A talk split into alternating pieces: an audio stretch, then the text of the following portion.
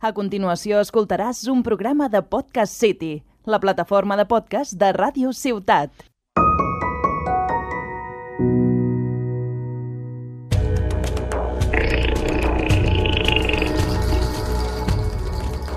El tiempo del jaguar.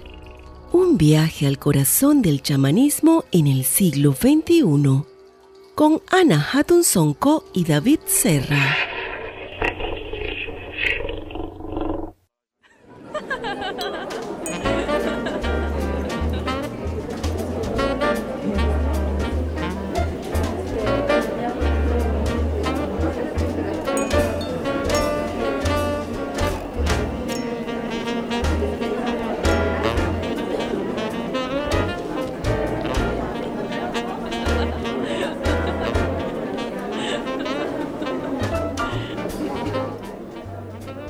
Bueno, ¿qué, ¿cómo estamos? Abuelita, hoy estamos en mi terreno. Ay, mijito, yo no sé qué hago aquí con esta gente, con este alcohol, con estas personas ta- tan, extrañas. Yo de verdad, a mí esto no me gusta nada, ¿eh? nada. ¿Tú no, no sentiste las energías que hay aquí? Bueno, a ver, eh, ¿tú dónde me llevaste el último día? Me, traíste, me llevaste a una fiesta de funeral y yo he dicho, hoy voy a llevar a la abuelita a mi terreno, a mi mundo. Y bueno, mm, la verdad tiene sentido. Es que aquí yo empecé a ganarlo todo y creo que también a perderlo. Ah, Fiestas, contactos, dinero, bueno, sexo, alcohol y otras cosas. Nada faltaba, todo, todo, todo estaba en abundancia. Y no sé, quizá me conecté con algo que, que no debía, pero por eso estamos aquí. Tú me estás abriendo los ojos y yo quiero abrirte mi corazón y mi universo. Aquí nació todo. Es, es bien curioso porque eh, las personas tienen vidas bien diferentes. Hay, hay vidas que, que son realmente pues como muy planas, como muy rectas, como muy horizontales, donde no pasa nada y hay otras que realmente son vidas que pueden ser una montaña rusa. Ya, ya, ahí estamos. Mi vida, mi vida es un poco montaña rusa.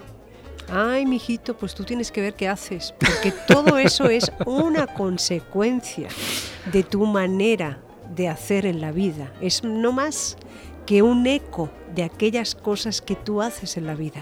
Pero abuelita, a ver, eh, yo lo que quería era, era ganar dinero y el dinero en principio no es malo, ¿no? O sea, no es, no, es- no es bueno estar contact- en, en contacto con la abundancia, con, no sé.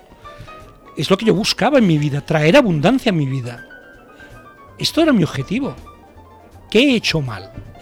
¿Qué he hecho mal? Es que está gracioso, ¿eh? con estas pendejadas, está gracioso. Güey, no me digas esto. Bueno, Está yo te digo, yo te digo, yo te explico. Yo te narro. Es que tú me hablas de cosas que están como intelectualizadas, como que están aprendidas, eso de la abundancia, de la prosperidad, del dinero. Eso no tiene nada que ver realmente con que una persona tenga un, un bienestar en la vida. No tiene nada que ver una cosa con la otra. Aquel hombre que más plata tuviera no pagaría muchísima más por su salud o por un amor de verdad y aquel que es pobre que apenas tiene para comer un pedazo de pan o llevarse unos frijoles a la boca, está más feliz que el otro que tiene tanta plata porque tiene esa salud y ese, y ese amor. Tú sí. vistes, tú vistes que con todo esto nada te llenó. Ya, bueno, espérate un momentito que voy a pedir una copa, con tu permiso. Por, fa- por favor, eh, a ver, espera, aquí está. ¿Tú quieres algo? Ah, una No. copita de cava. ¿No, no tomas Ni cava? tequilitas solo en el campo santo. Bueno, yo con cuando tu es la época de los difuntos sagrados de mis ancestros, la única del año. No, hombre, no. Bueno, está bien rico, esto viene de la tierra también. Sí, pero el abuso, el abuso, eso, eso no es tan No, bueno. no, un sorbito nada más, no un sorbito nada más.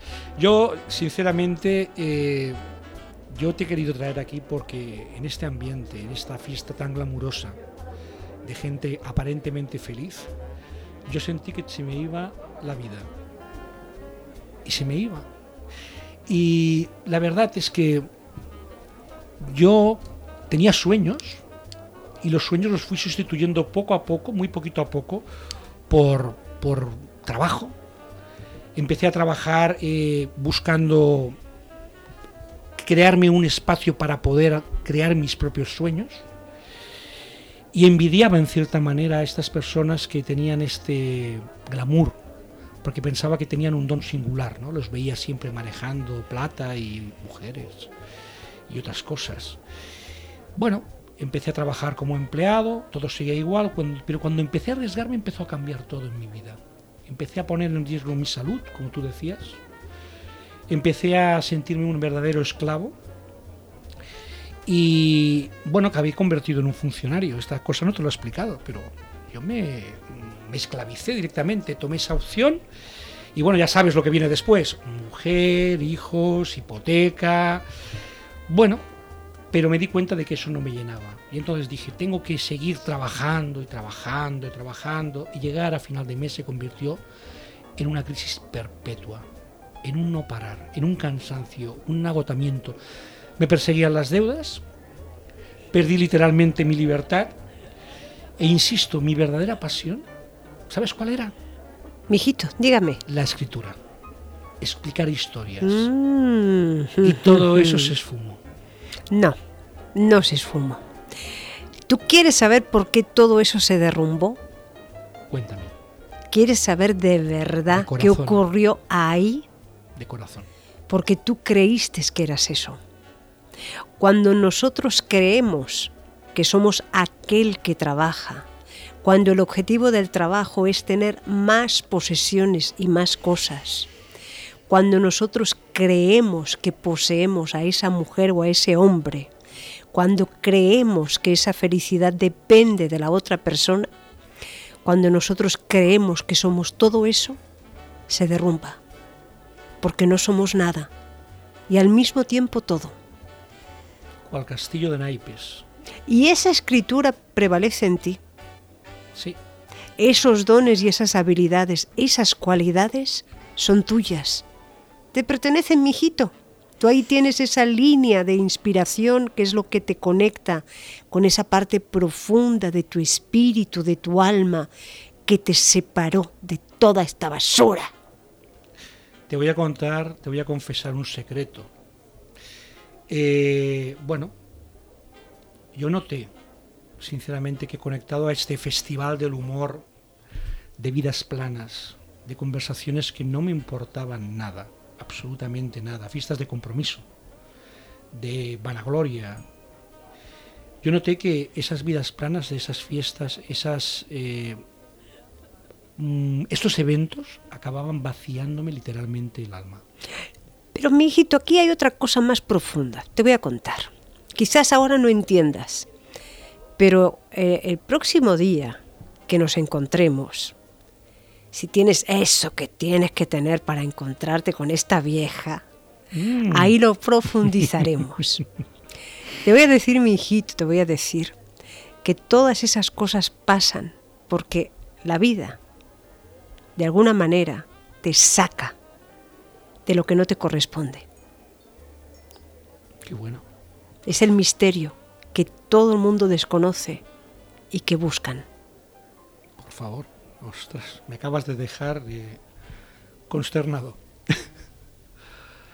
Bueno, me voy a pedir otra copa con tu permiso, pero solamente un sorbito, ¿eh? Es que estás agarrando esas energías. Un poquito. Mi hijito, estás agarrando esas Bueno, la, energías. dejo, la dejo ahí, la dejo ahí. Esas energías vuelven de nuevo y te tientan. Es como una tentación que llega para que tú de nuevo abras esas puertas y ahí te amarre y te lleve a través del pensamiento y de la mente a esa oscuridad. Y ahí vuelve todo a empezar de nuevo. Así que lo que debo hacer... Fortaleza.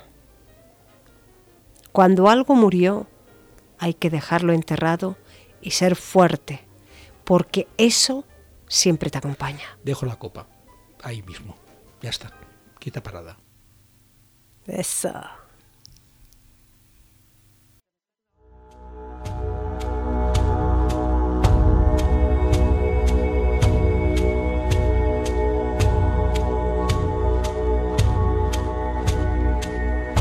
Has escoltat un programa de Podcast City, la plataforma de podcast de Ràdio Ciutat.